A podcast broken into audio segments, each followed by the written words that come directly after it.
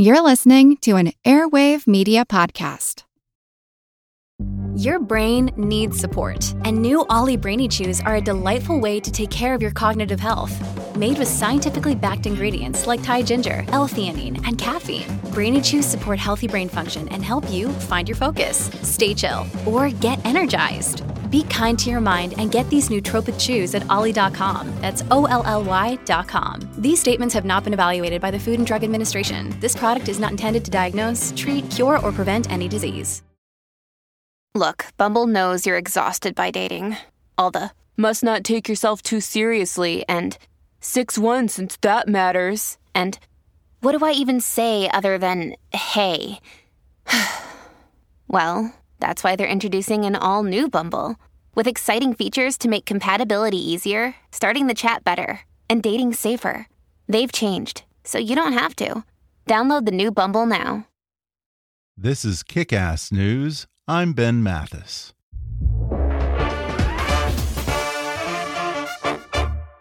When you need energy on the go and don't have time to wait in line, grab Espresso Monster. Espresso Monster is a premium blend of espresso and cream made with freshly brewed espresso coffee, hormone free milk, and a unique energy blend complete with taurine and B vitamins.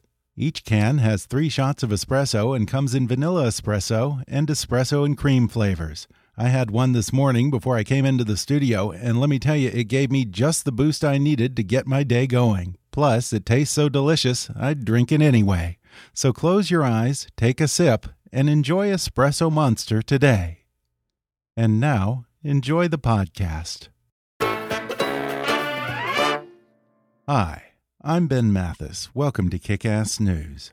Author Brad Meltzer is well known for his best selling thrillers like The Escape Artist, The Inner Circle, The Book of Fate, and nine other bestsellers, all fictional tales of secret societies and vast conspiracies within the halls of power, with just enough factual and historical background to give his books the unsettling ring of truth. But it's taken 20 years for Brad Meltzer to uncover a true story in American history with all the political intrigue and deadly high stakes of one of his novels. He writes about it in his latest book, The First Conspiracy The Secret Plot to Kill George Washington. And today, Brad joins me on the podcast to talk about the risks of diving into his first work of nonfiction, all the research that went into it, and his initial concerns that a long forgotten rumor of a secret plot to assassinate America's founding father might turn out to be just that a rumor. He tells the story of America's other Benedict Arnold and the deadly conspiracy by some of the very men charged with protecting George Washington's life during the most critical few days of the American Revolution. He reveals how the incident gave birth to American counterintelligence, why Washington wasted no time in making an example of one of the conspirators, and why there was a deliberate effort to cover up the plot to kill Washington for more than 240 years. Plus, he shares some of the wild conspiracy theories he hears from his fans at book signings, his alarm over the explosion of conspiracy thinking and paranoia in American politics, and a few memories of his friend, the late President George H.W. Bush. Coming up with number one best selling author Brad Meltzer in just a minute.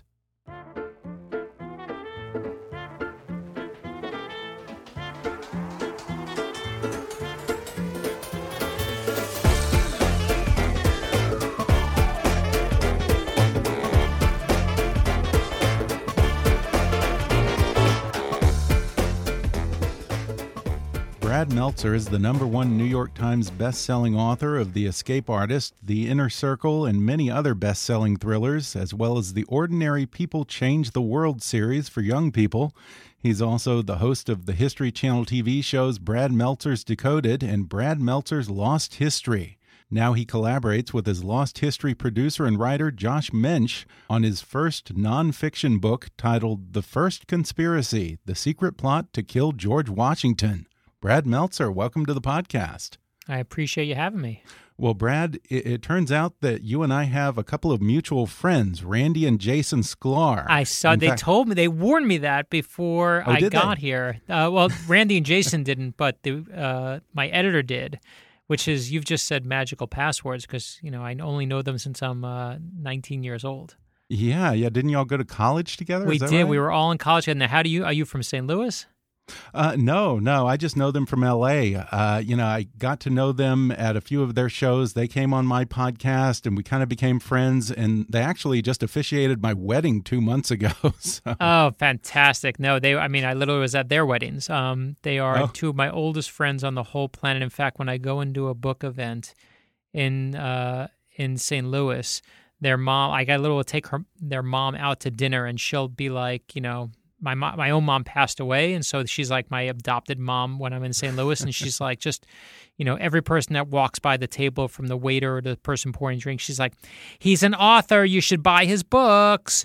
Um, so that, their mom always has a special place in my heart.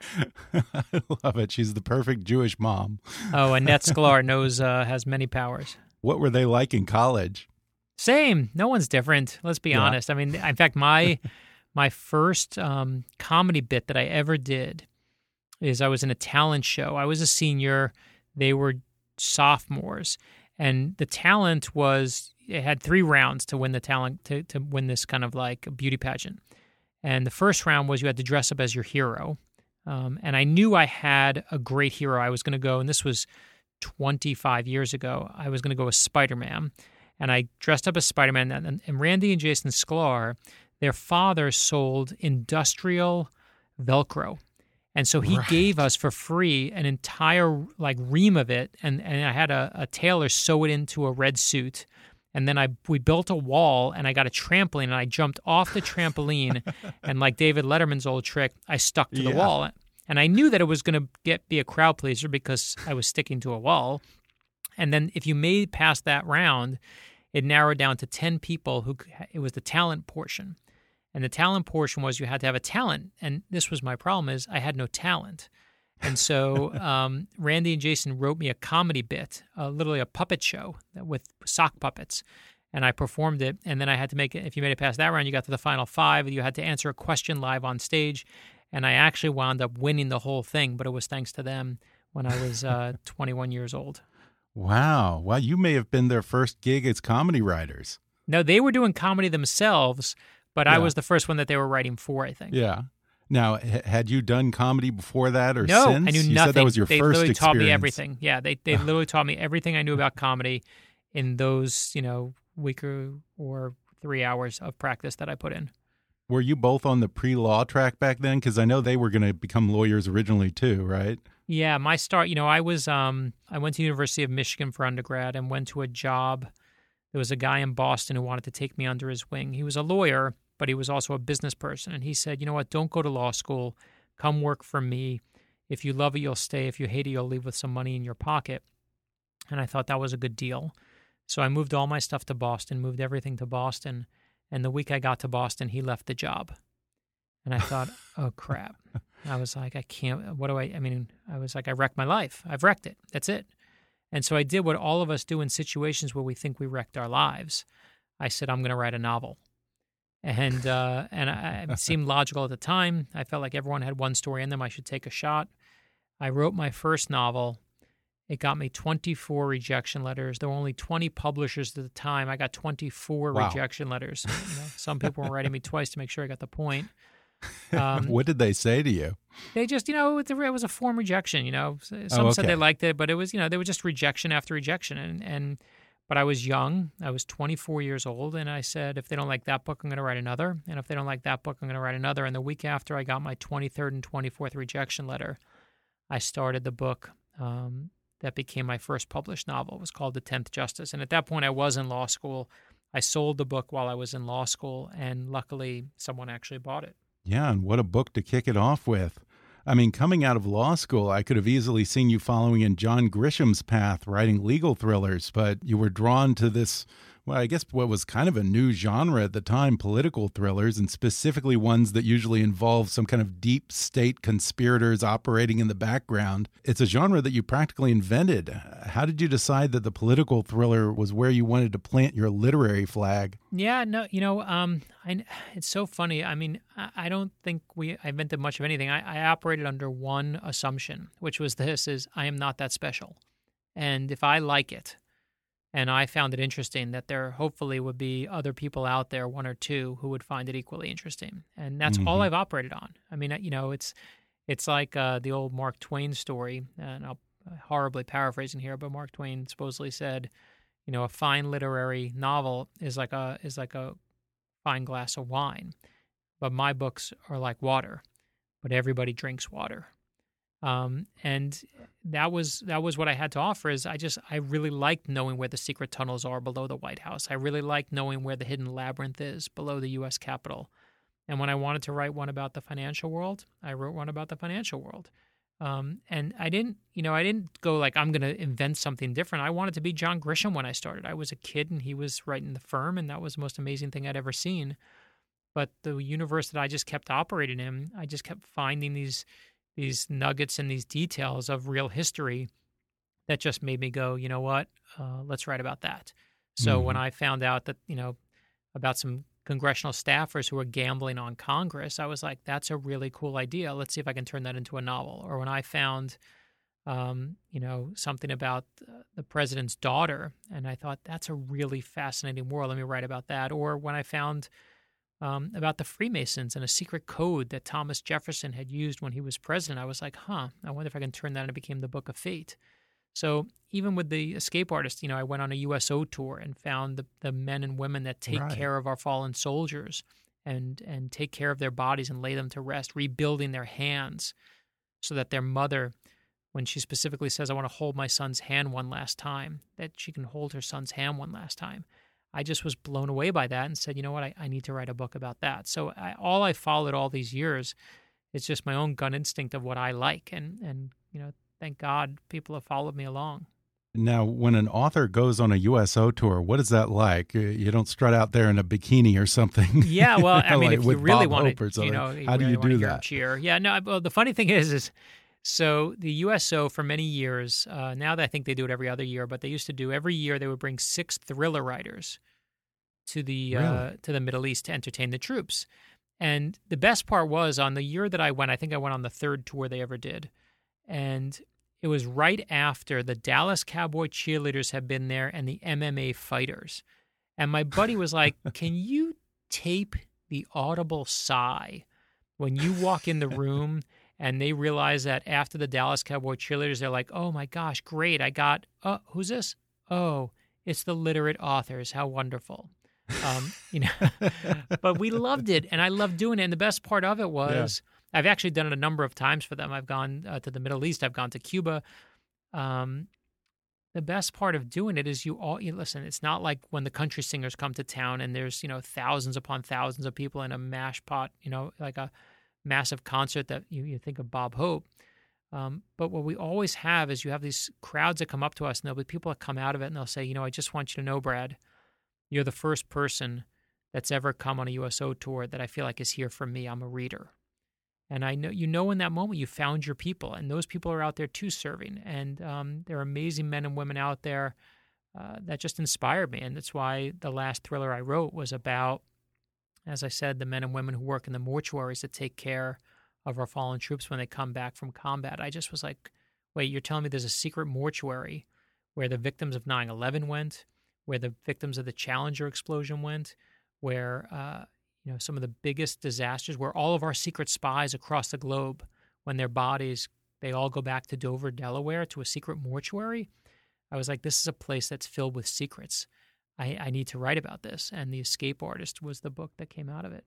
As an author who writes about these high level secrets and conspiracies, when you go on a USO tour or a book tour and you talk to fans, do you encounter a lot of conspiracy theorists? Oh, no one gets crazier email. I mean, listen, I hosted a show called Brad Meltzer's Decoded, right? Yeah. And and Decoded, if you, if you had a crazy story, you either call Jesse Ventura or you call me. Um, so I had I had the family of John Wilkes Booth, and of course John Wilkes Booth shot Abraham Lincoln. Twelve days after Lincoln was shot, John Wilkes Booth himself was killed, according to every history book you'll read. And the family of John Wilkes Booth, through their lawyer, a friend of mine, reached out and said, Hey, I represent John Wilkes Booth's family. They have a story they want to tell you. He actually didn't die 12 days later. They got the wrong guy. Their relative escaped and he went on the run and he changed his name, took on a new identity, and they have the proof. Would you like to hear their story? Wow. Yes, I want to hear that story, right? Like, I want to hear that yeah. story. And so people tell me, you know, people come to my book signings um, and they bring me the crazy, they brought me the Holy Grail. Um, I have, you know, so if you need the regenerative powers of the Holy Grail, it's in the Barnes and Noble uh, in in uh, in Los Angeles. Um, it's I put it, it's right between Meltzer and Melville on the shelf alphabetically. um, but people bring me and tell me the craziest stories, of course. So we get you know conspiracy people, but we also get you know people approach me because they know that um, you know, I, am not one of I'm not a conspiracy theorist. I don't go out there and say, you know, the government's trying to kill you in the middle of the night. I listen to the story. We we find the evidence. I'm a history major. That's what my degree is in. And you have to have the proof. And to me, sometimes there's proof, and you can say, you know, there's a problem here. And sometimes you look and say, this is just made up crap on the internet. And for me, I, I, love being able to tell people the difference between those two things. And of course, you wrote a little bit about the magician Harry Houdini in your last book. And I always heard that he was, of course, good friends with Sir Arthur Conan Doyle. And Sir Arthur Conan Doyle would never believe that it was just all a trick. He believed that he was pretending that it was just a trick, but it was really, he had some magical powers. And I almost wonder if you get people who come up to you at these book signings who do something similar where they say, okay, all this stuff that you talked about in any of these books, that really happened, right? You're just saying that it's fiction because you have to, right? oh, 100%. I mean, uh, yeah. listen, I, I years ago I got a call from the Department of Homeland Security asking me to come in and brainstorm different ways that terrorists could attack the United States. And my wow. first thought was, if they're calling me, we have bigger problems than anybody thinks, right? like if you think we're screwed now, um, just wait. And I was honored to do it. I love doing it. But as a result, um, when that story came out, everyone was like, "Oh, you're hiding your fiction and things." And and and the thing that I was struck by is why me? Why'd they pick me of all people? They mm-hmm. could pick anyone. And I traced it back through history. traced back to a man named George Washington. Um, and as I'm sure you know, George Washington had his own secret spy ring right. made up of regular, ordinary people, the Culper ring. And he picked regular, ordinary people because he knew everyone on the British side, they knew who his top military advisors were. But if he used um, regular, ordinary people, Washington knew one thing no one looks twice at an ordinary person. And I said mm. to my friend in Homeland Security, wouldn't it be cool if I wrote a fictional thriller and you found out that George Washington's spy ring still existed to this very day? And he said to me, What makes you think it doesn't? And I was like, That's a good idea for a book. So I wrote a fictional thriller, The, uh, the Inner Circle, uh, based on that exact thing where someone finds out that George Washington's spy ring exists to this very day. And it was all fiction. And when I was researching the sequel to that, I went to one of these top people at the CIA. I'm talking about one of the big names, big acronym titles. And I said to him, I'm, I'm doing a follow up on my thriller. It's a sequel, it's about uh, George Washington's spy ring still existing today. And he says to me, I'm not joking, he says, Oh, yeah, I heard they're still around. And I was like, what, what, are you talking about? I made that up. And then you, and that's the crazier part is not just people coming and assuming your fiction is real, but where yeah. you think your fiction is real and people are telling you it's not. Um, and and uh, you know, obviously, that to me is the most fun part of the job. Is yeah, you know, fiction is a big giant lie, and it's just trying to masquerade as the truth. That's all fiction is. And the more I can kind of fill these books with real truths, you'll believe it. And um, and I think it, it's probably going to do me no favors to the crazy people who will come calling when we finally put out this nonfiction book that we're doing. And the lines seem like they're even more blurred these days. You know, as someone who's made his name writing about fictional conspiracies, does it trouble you that we now have people like Alex Jones who essentially do the same thing, crafting conspiracies out of whole cloth, but trying to pass off fiction as fact? You know, I always say that our greatest strength is our greatest weakness. It always will be, it always has been.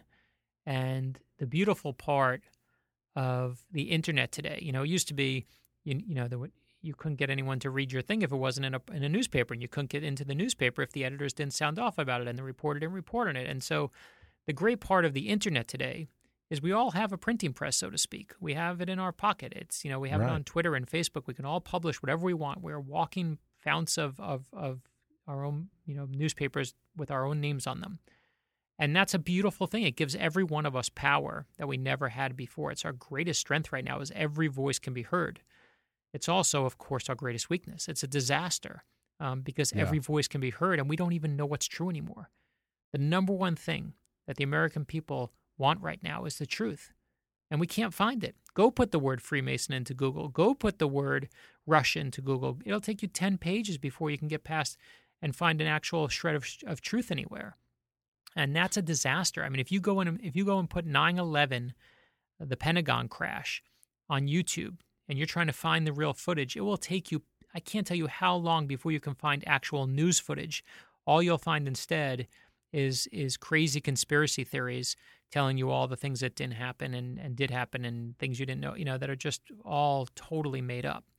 Um, and I think you know it's it's a danger, right? It, it it is. There was just a recent study done looking into the future of of you know how you can just take out an entire culture if we can't distinguish truth from fiction anymore.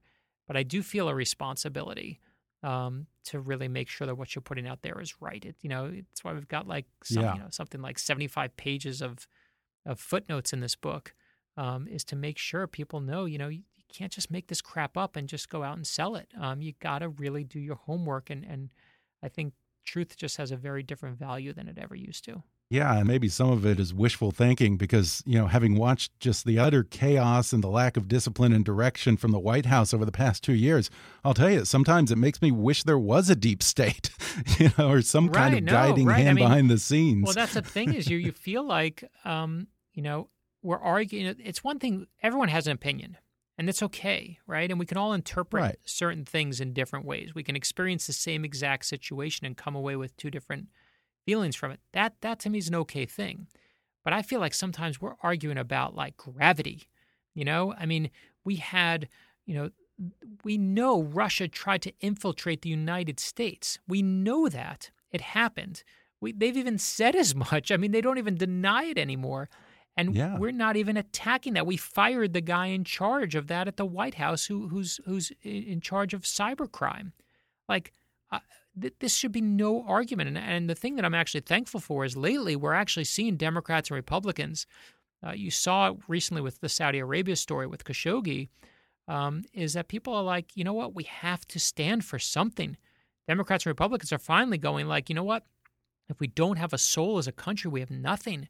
Um, and so I do have hope that you know maybe and again this is wishful thinking but maybe just maybe when you when you lose as much of the truth as we have been losing it's been kind of whittled away uh, that the backlash goes the other way and you have a, a giant great demand for it. So well time will mm-hmm. tell but uh, it, it is what is so frustrating watching the world today because you, are watching things and going I, you know what? You, i can't even believe that people are believing this side of it. And you know i just did an event i just was at a President Bush's funeral because um, he was a friend of yeah. ours. Uh, I had done a lot of work with him for literacy. No politics about it. Just you know, we did a lot. Him, uh, President Bush and Mrs. Bush did a lot of work for for family literacy over the years, where they bring Democrats and Republicans to Kennebunkport, Maine, and raise money for people um, who can't read. You know, one of the great causes out there. And the one thing that you can see uh, with the Bushes, and the one thing you can see that is so desperately needed with his, you know, when, when his death happened, is this kind of outpouring of one word that kept coming over and over in everyone that spoke about him, which was the word decency. Yeah. And to me, I think the reason you heard the word decency so much is we're starving for that too. We're just not seeing it anymore. Um, we can't disagree with anyone. We have to hate someone who doesn't see the way we do. And one of the things I used to talk about uh, with, you know, I knew from President Bush, and I and I just did an event with President Clinton um, when his thriller just came out. As I asked him flat out, I said, "How do you?" I said, "If you watch MSNBC, um, and someone else watches Fox only, each of you watches only one of them, you have absolutely opposing views of what's happening in the world right now. I mean, one of you is totally pissed, and one of you is totally fine." And if if you if we are as a culture living two different realities, how do we ever break that barrier? And and the true answer is is we won't unless someone steps forward or unless you know there's someone new in the White House who can kind of cross lines. But as long as we we have these diametrically opposed views, um, we're going to get nowhere. And I encourage anyone listening to this, again, whatever your politics are, listen to something of on the opposing side. You, it'll yeah, frustrate the crap out of you. You want to bang your head against the wall, but if you don't, you're living in an echo chamber and you're doing yourself yeah. no favors. But go see how the other world sees it, because the one thing I know for sure is that every person you hate politically and every person you think is so stupid and they're so dumb, because that's what we do with all of anyone that disagrees with us today. We just, you know, we, we unfollow them and we say they're stupid and dumb. But those people have hopes and dreams just like you. And um, you you have to take a moment and say what are they upset about and and listen i'm, I'm not talking about the just the pure racists out there like or, or the nazis that are out i mean you know there are people that just absolutely need to, they're wrong they're just Sure. wrong and some things need to be right and wrong but the average person who's watching um, these shows the average american who's sitting there in the middle who's not doing it out of you know out of some racist thing or because they want to hurt someone the average person, um, i you know, just wants the same things you want in your life, and that is to love and be loved, to have security, to have a good family. Um, and there's something out there that is threatening them. If you take a little time and try and understand that, uh, I think it's the only way. It's like the old Gandhi lesson: the, only way to change the world you got to start with yourself. We're going to take a quick break, and then I'll be back with more with Brad Meltzer when we come back in just a minute.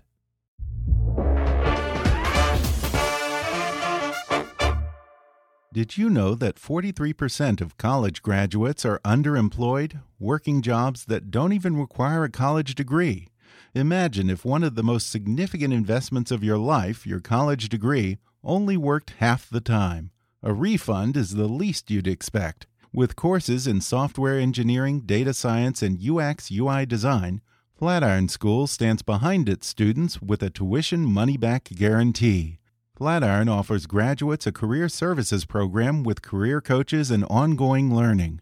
Students who follow every step of the plan and don't get a qualifying tech job offer within six months of graduating are eligible for a full tuition refund.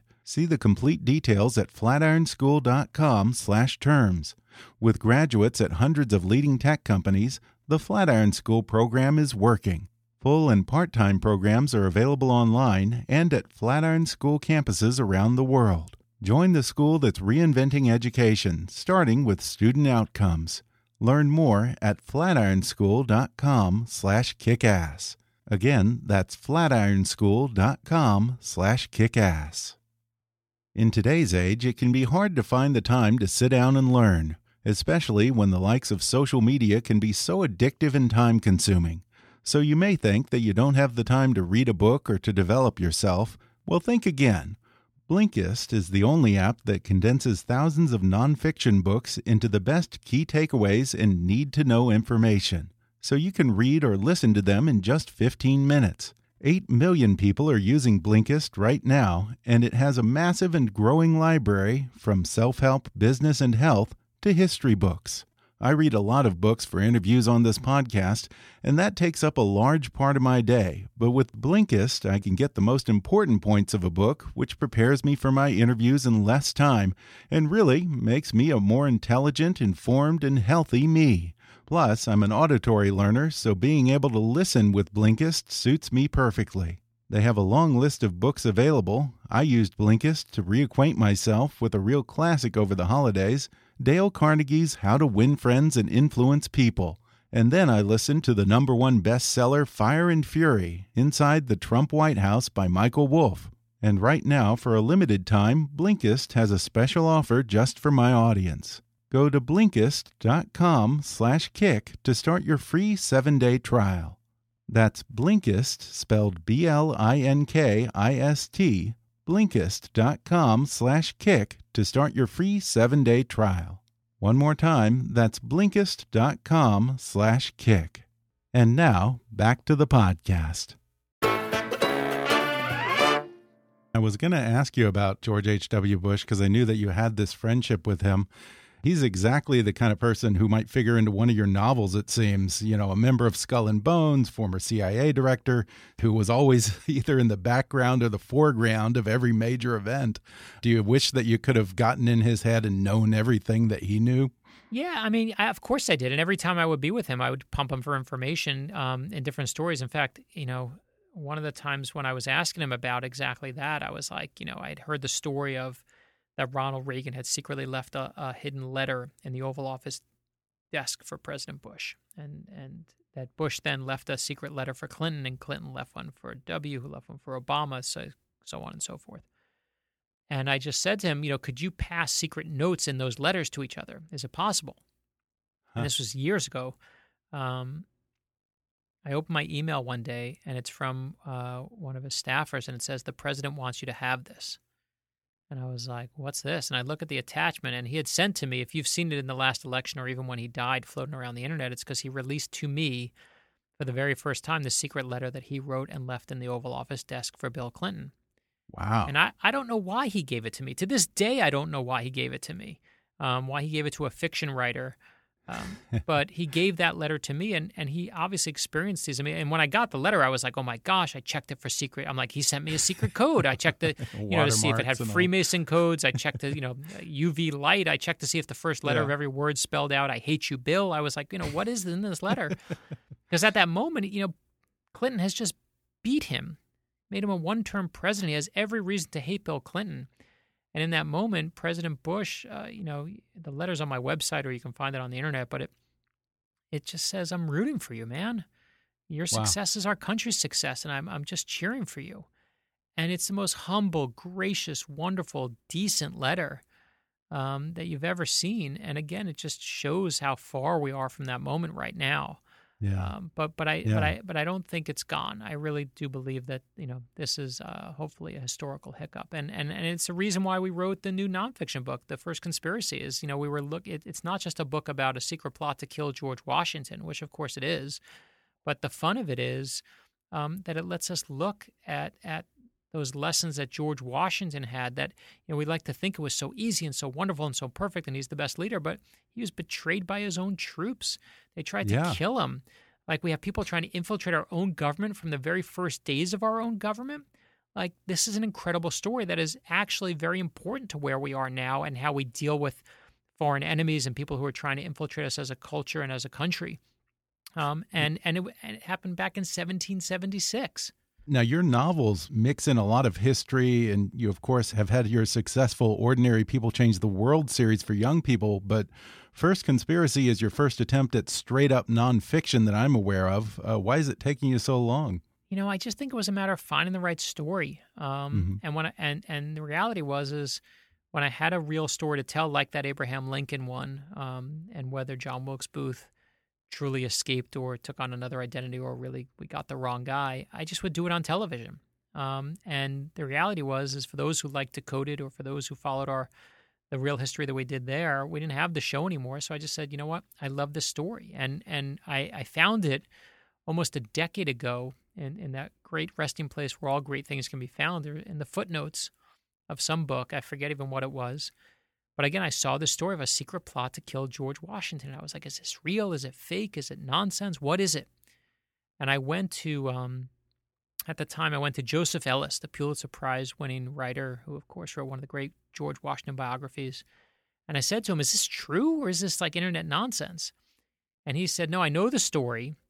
Um, he didn't know much about it. He said, you know, you can find, you know, like we looked and there was no modern book written on the subject. And he said, "Here's the thing." He said it's a it's a story that involves George Washington and his own spies tracking down the people that were trying to kill him, and you can find every single uh, to to the exact number how many slaves George Washington owed, how many he owned. You'll, you'll, you can find the exact number of them, but you'll never ever found find every single one of George Washington's spies. He said to me at the time, "So what you're searching for will forever be elusive." But he said, take a crack. At the very least, you're going to have a great story to tell. Uh, maybe you'll get a book out of it. Maybe it'll just be an adventure. Maybe it'll, it'll lead you to nothing. And as you mentioned at the start, my friend Josh Mensch, who we did the Lost History TV show with, he's a documentarian, great historian, great writer. Um, and it wound up just becoming this incredible adventure that showed us the real birthplace of, of the counterintelligence movement um, long before the word counterintelligence wow. was ever invented. It yeah. was invented as a word in World War II, but but the movement itself, uh, civilians who were using their knowledge, not military people, but civilians, you know, to try and use intelligence techniques and, and intelligence gathering, uh, that started in year one of of these United States, and uh, it happened and started with with George Washington and this very secret committee on conspiracies that he found. So the first conspiracy was born right there. And the head of this committee was John Jay, who most people know as the first Supreme Court justice. But would it be appropriate to credit him as America's first spy master? Uh, listen, I think George Washington's probably the first spy master. okay. I'm giving credit, but he's certainly, I mean, he probably is the real one, let's be honest. I mean, mm -hmm. when uh, not only did he stay in charge of that and then built another committee after they found out uh, uh, about this plot, what his best strength was at the time, even as a young man, was uh, figuring out the bad guy's plans. As simple as that, to put it in the most simple of terms. He was really good at it. He was naturally good at it, like a cop, and he could just figure it out. And and the reason we found out about the plot, as you'll see in the book, um, is just good old fashioned police and detective and interrogation techniques. When they have some bad guy who has a story to tell and has a, a way to benefit if he tells it, uh, they figure out what the hell is happening. And it's an, it's an amazing story. But it's yeah, it's John Jay. I mean, these guys were using amazing techniques back then, and you see that what this plot does is it gives us this entire new universe. We all like to think that the the OSS was the precursor to the CIA, right? But it was really John Jay's Committee on Conspiracies that was the precursor to all of it, and and all of it owes a thank you to. Yeah, in fact, don't they have a John Jay room at Langley? They do. There's a special room at Langley at uh, CIA headquarters that is named after John Jay, the father of counterintelligence. Um, huh. And it, you know, to this day, that room is still there, which I love. And um, and you know, these are these are just these kind of lost moments to history that no, you know, I was just like, we need to tell these stories. And and and I think in large part to what you said before, you know, we love to look at the uh, around today and be like, oh my gosh, the United States is in such a bad place. We all hate each other. It's so horrible. It's so terrible. But when you look, you know, we're a country that's founded on legends and myths. And the legend and myths we love the most are our own. So we love to think that we were, you know, in the Revolutionary War, we were this ragtag group and we just all came together and we fought the common enemy. And even though we didn't have shoes or bullets or gunpowder, we took on the greatest fighting force ever assembled. It's a great story. It's not a true story by any means. Um, it sounds like a good story, but you know, even back then at the start, we hated each other.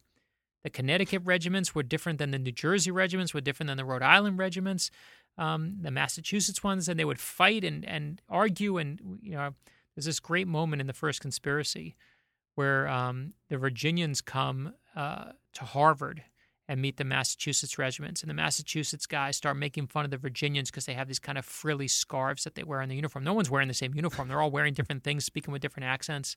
Everyone's different than each other. And this huge fight breaks out, and George Washington comes racing in on a horse and grabs two of the big guys responsible and just starts shaking them and throttling them for everyone to calm down. We hated each other. Um, and it's only, and we deal with this part in the book, um, we're not some ragtag group that just takes everyone down because we held hands and all sang together. Um, we get our butts kicked over and over and over. In one of the first big battles, the Battle of Brooklyn in, in New York, um, we get out, out fought, we get out generaled. George Washington has no experience compared to the, the generals, the British generals. And we're pinned against the East River. We're, we're we're dead. It's over. We're done. And in that moment, George Washington do what many people would do is say, you know, I'm going to take out as many of them as I can. We're going to go out in a blaze of glory. But instead, George Washington does the best thing that George Washington always does is he adapts. He says, you know what? We're not going to take out everyone in a blaze of glory. We're going to adapt and we're going to have a daring escape. And in the middle of the night, while everyone's sleeping, he brings all these boats to the East River, and one by one, all the men are getting on board and sailing in, and across the river. And what they all see is that George Washington won't get on the boat until all of them are on the boat. Um, and he's putting him, others in front of himself, risking his own yeah, life for the lives leadership. of our men. And that's what leadership is, right? Like that's the exact yeah. opposite of where we are as a culture today. We don't have leaders anymore. We have politicians. There's a huge difference between a leader and a politician. Yeah. And, uh, you know, See, I thought that he right... wouldn't get on the boat because he had lifeguards. right? You know that, right? That, let's talk about yeah. that. Um, tell, tell us about that because uh, this wasn't just a plot to assassinate George Washington, it was a plot from within. Yeah. So, um, one of the great things we found, I never knew this part either until we started digging, is there was a point in time at the beginning of the revolution where George Washington realizes he needs better guards. He needs a, you know, so he asks all of his top, uh, all the top regiments. He wants four men. He says, "Give me four men. Your your four best men you have." And those become they call them, you know, the general's guards. They call them Washington's guards, the bodyguards. But what they really are called are his lifeguards. They truly are guarding his life. They are truly his lifeguards. And it's a number of these lifeguards who actually switch sides. And again, we love Wow. to tell the story of, you know, we're all this United States, we're all wonderful, we all come together, we fight the British. Um, but it was it was far from that. There were so many people here who were still loyalists, still on the British side, who thought, you know what, the Patriots are gonna they're gonna lose. Like I should stick with the British side. And then when the Patriots did well, they were like, you know what, these loyal these British are gonna lose. We should switch. I mean, people were doing exactly what they are today. Or sadly, they're opportunists, and and there are people out there who will switch sides on a dime depending on who's winning. When George Washington says we don't have any more gunpowder, guess what? A lot of people are like, screw this. I don't want to be shot. I'm going to the other side. And when you have this uh, this kind of flexibility, this moral flexibility in the people who are in your army, you better believe that there are people inside your army who are who are gonna who can do a lot of harm. And that's what happens with the lifeguards. Um, so it's the governor of New York starts plotting, the the mayor of New York starts plotting, and they plot with members of George Washington's lifeguards. And you have these men who you trust, you have your closest of the close, and that's who betrays you. I don't care how strong you are. I don't care how powerful you are. I don't care how much of a quote unquote man you are. You are devastated in that moment. And we get to chronicle in the first conspiracy those moments where George Washington realizes what's happening. And the person who's at the center of this conspiracy, or at least the guy who took the fall for it, is a man named Thomas Hickey, who is one of these lifeguards. How come we know the name Benedict Arnold, but we don't know the name Thomas Hickey? Yeah, I, I, the question we asked ourselves the, throughout the entire process, um, and we can we can guess why, um, but there's no one way to know. And and I think it's this: um, Thomas Hickey was, as you said, the man who was hung. Uh, who they who they even though he wasn't the man responsible for putting the plot in motion, it was the one who they made the example of, and he was one of George Washington's lifeguards who who died and was hung in front of twenty thousand onlookers. But the reason I think we don't know him is because his hanging took place on June twenty eighth, seventeen seventy six. We were literally like just about a week away from the Declaration of Independence being signed. The first drafts were being handed in right on that same day. The British were truly coming uh, and and invading at that moment.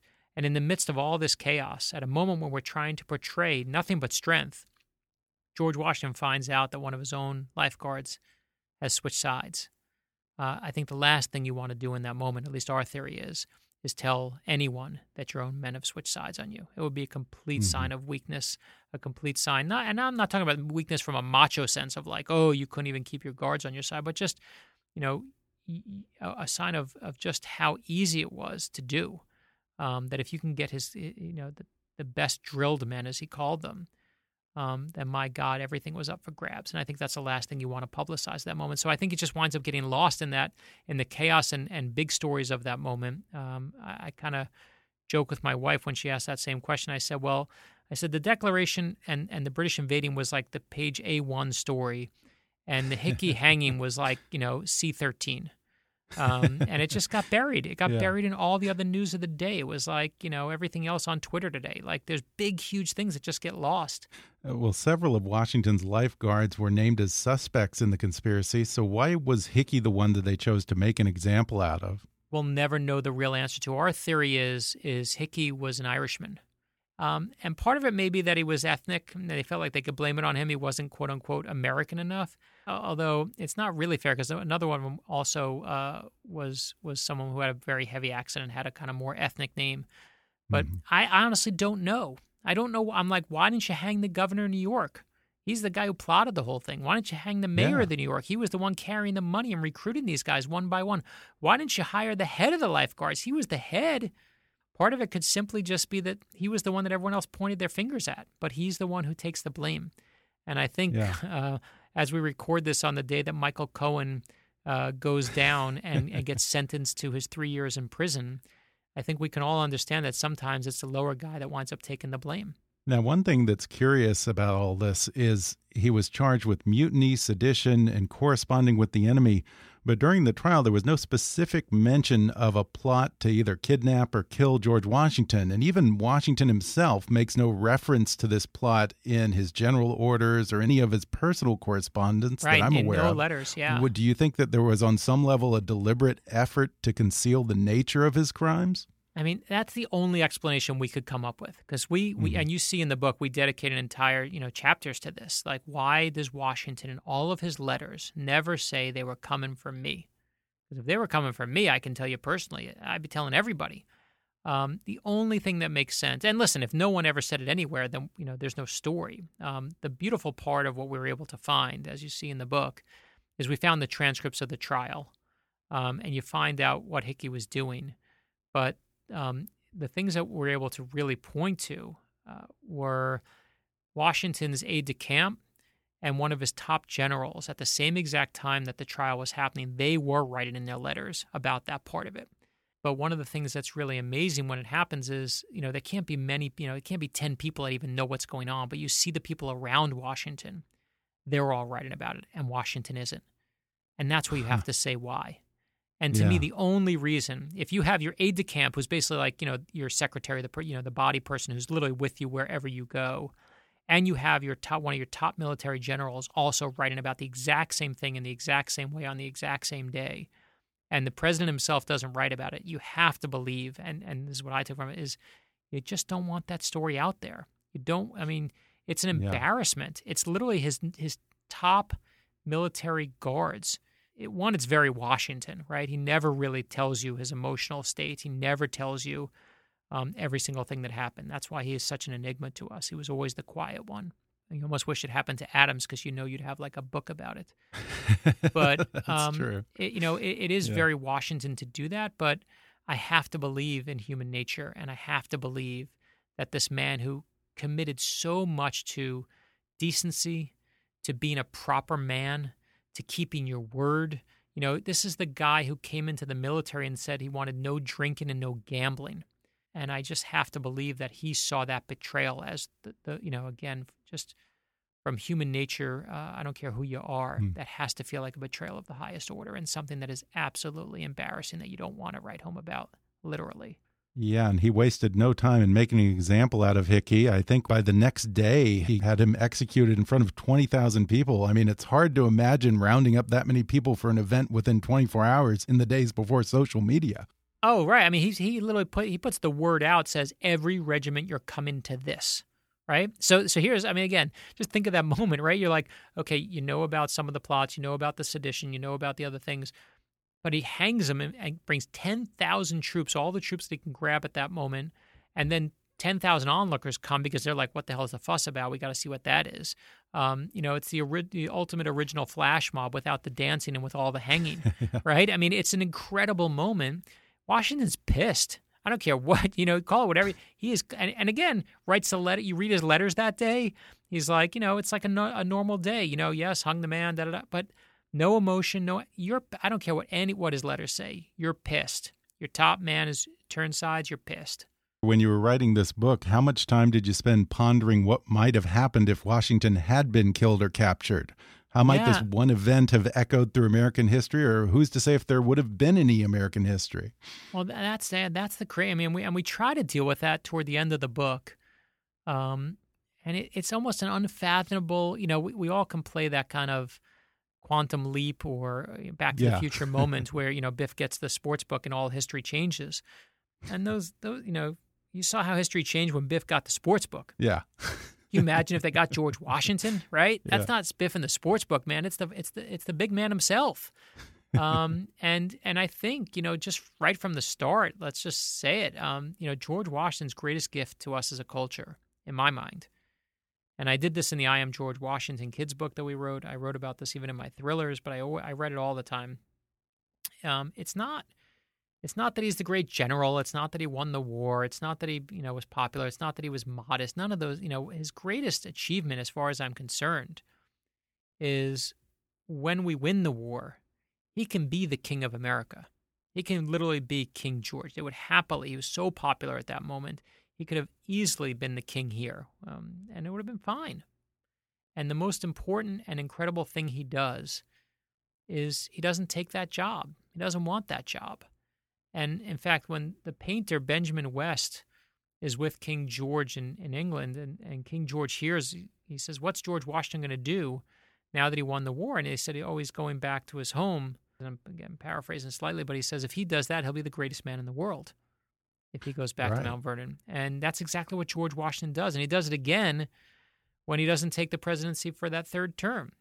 What he decides to do instead is have faith in us as a country, faith in us as a people to rule ourselves, not to have this lifelong ruler, not to have someone who consolidates power like he's the emperor in Star Wars, you know, not to have in many ways what we're seeing, you know, today, but is Mhm. to have someone who realizes that the best thing we can have is is faith in this country.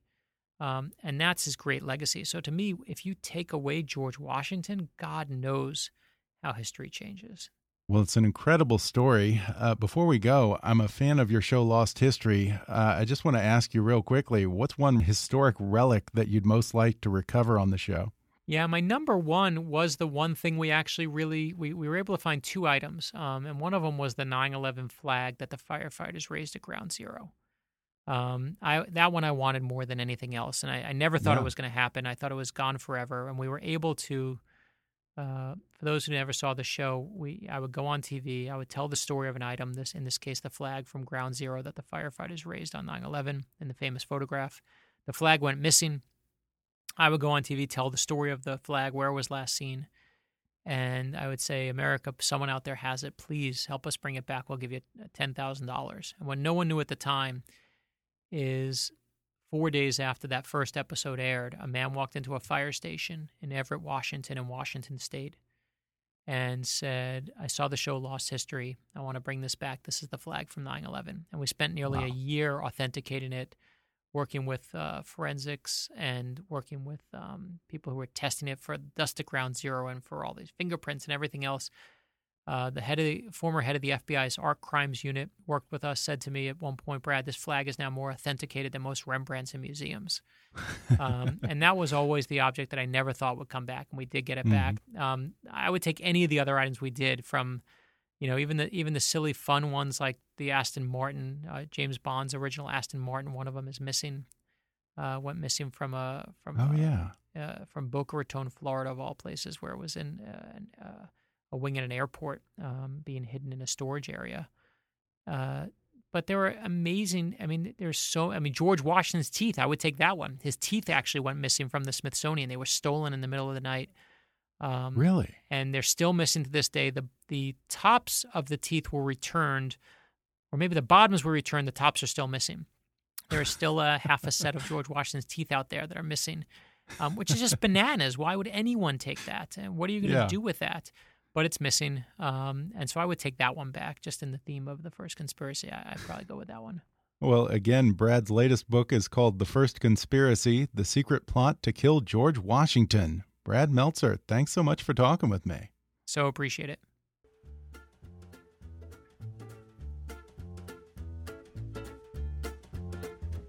Thanks again to Brad Meltzer for coming on the podcast. Order his thrilling new book, The First Conspiracy The Secret Plot to Kill George Washington, on Amazon or wherever books are sold. Keep up with Brad at bradmeltzer.com or on Twitter at, at @bradmeltzer. In today's age, it can be hard to sit down and learn. You may think you don't have the time to read a book. Well, think again. Blinkist is the only app that condenses thousands of nonfiction books into the best key takeaways, so you can read or listen to them in just 15 minutes. Right now, for a limited time, Blinkist has a special offer just for my audience. Go to blinkist.com/kick to start your free 7-day trial. That's Blinkist spelled B-L-I-N-K-I-S-T. Blinkist.com/kick to start your free 7-day trial. Once more, that's Blinkist.com slash kick. Flatiron School is reinventing education, starting with student outcomes. With courses in software engineering, data science, and UX UI design, Flatiron School stands behind its students with a tuition money back guarantee. Learn more at flatironschool.com slash kickass. That's flatironschool.com/kickass. If you haven't already, be sure to subscribe to Kickass News on iTunes and leave us a review. You can follow us on Facebook or on Twitter at, at KickassNewsPod. And as always, I welcome your comments, questions, and ideas at comments at kickassnews.com. I'm Ben Mathis, and thanks for listening to Kickass News.